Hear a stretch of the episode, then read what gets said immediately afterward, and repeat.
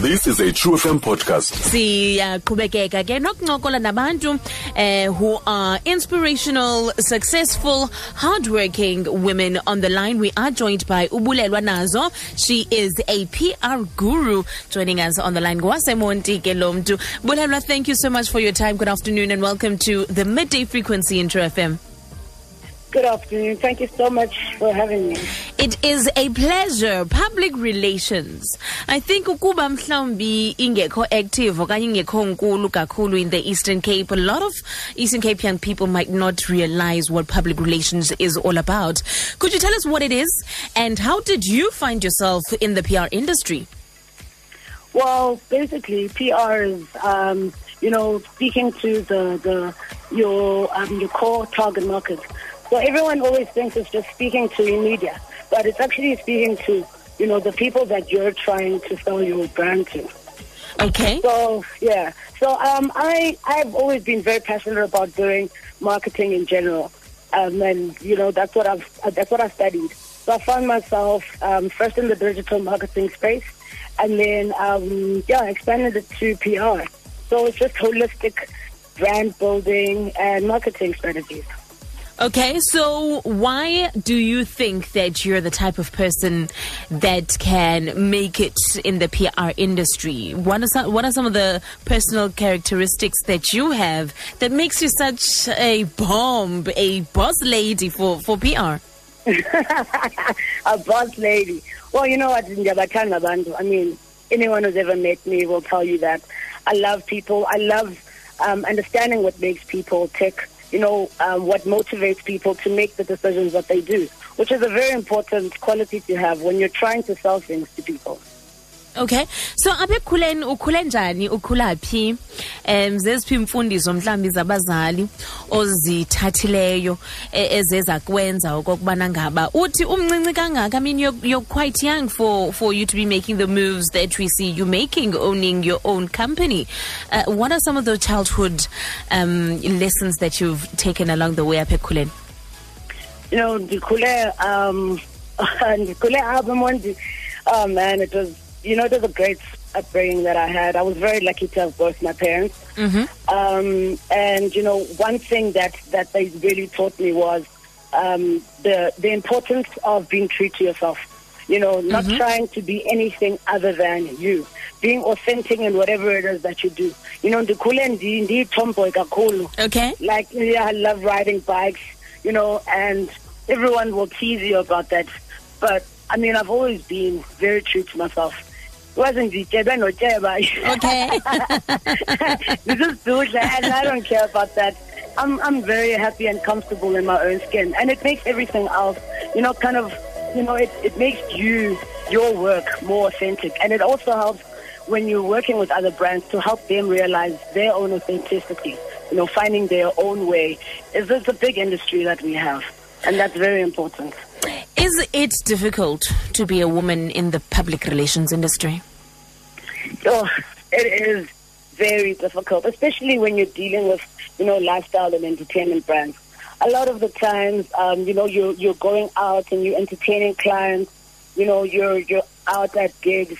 It's you know, there's a lot of temptation everywhere, and you know, trying to balance that. You know, trying to be to to be taken seriously in the boardroom after a night out. I mean, is is something else as well, especially when you're a female, because you know, men can can still be the same people um, mm. throughout. Mm. For when as a, as a female, it's like, oh, okay, I saw you doing this, therefore, this is what you're supposed to be about, you mm. know, and that doesn't make any sense. So you always have to reinforce that every single, everything that you do, you always have to reinforce that, yo, I'm this serious person. This is what I'm trying to do. You know, take me seriously. So it makes it very difficult. Mm, I can imagine.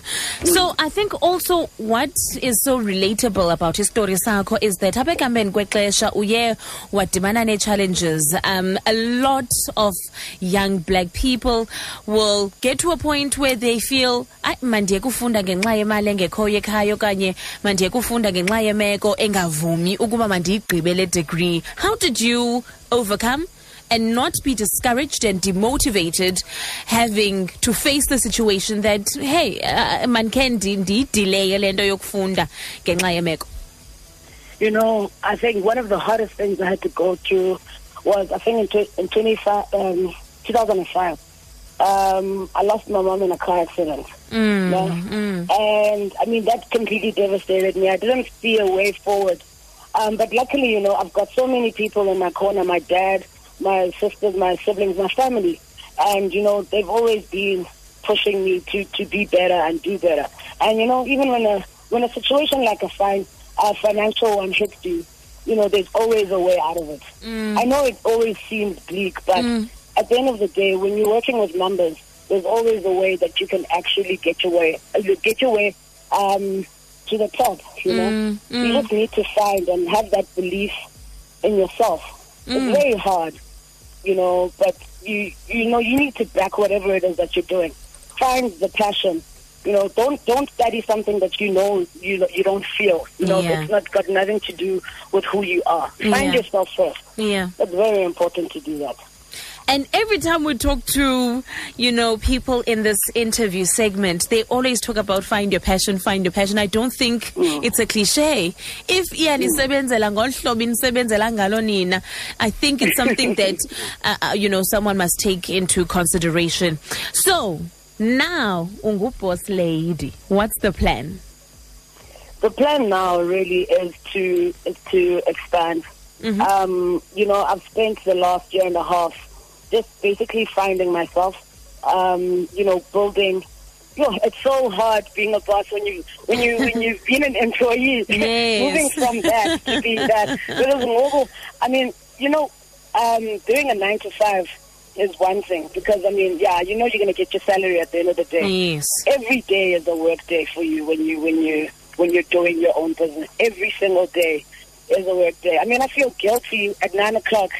When they're figuring on nine, I'm like, ish, you know. So I think more than anything, I've spent the last year and a half just finding myself. Now is just to go and and you know and and explore all the avenues that I've I've opened up for myself now. Mm.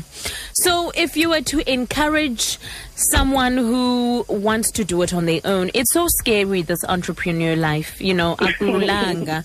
U- u- uyithatha yonke i-risk. But ungamthini nje umuntu oqonda ubana, "Hayi man, I can make it. I want to stand on my own two feet. I want to, you know, uh, forge my own course." Ungathini kulo muntu u- umameleyo ngoku who's considering doing what you've just done, but mhlambi who's having, you know, those doubts and those fears? You know, you need a very strong support structure Mm-hmm. for it. You know, um, it's not it's not a lie that thing, like the way to tell, but you no man is an island. Yes. I, w- I was lucky enough to have, um, you know, my mentor was there with me um, throughout everything. Because I mean, you always think you know everything, but you actually don't. I mean, I'm learning new things every single day. So find the right support structures. I mean, around you, they're everywhere. Find someone who's going to help you, um, you know, have the perfect business plans. Not the perfect business because there's no such thing, Yeah. but just the, the just the correct ones for whatever industry that is it is that you're trying to get into.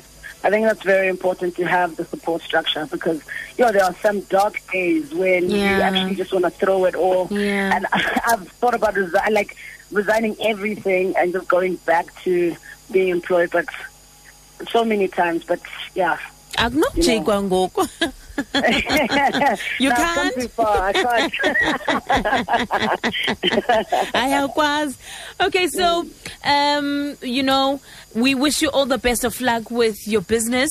And uh, i- i- ingakhula wethu sisi siyibone ikwi-forbes list jse yonke loo nto leyo Siyakhona, mnandi siyakhona.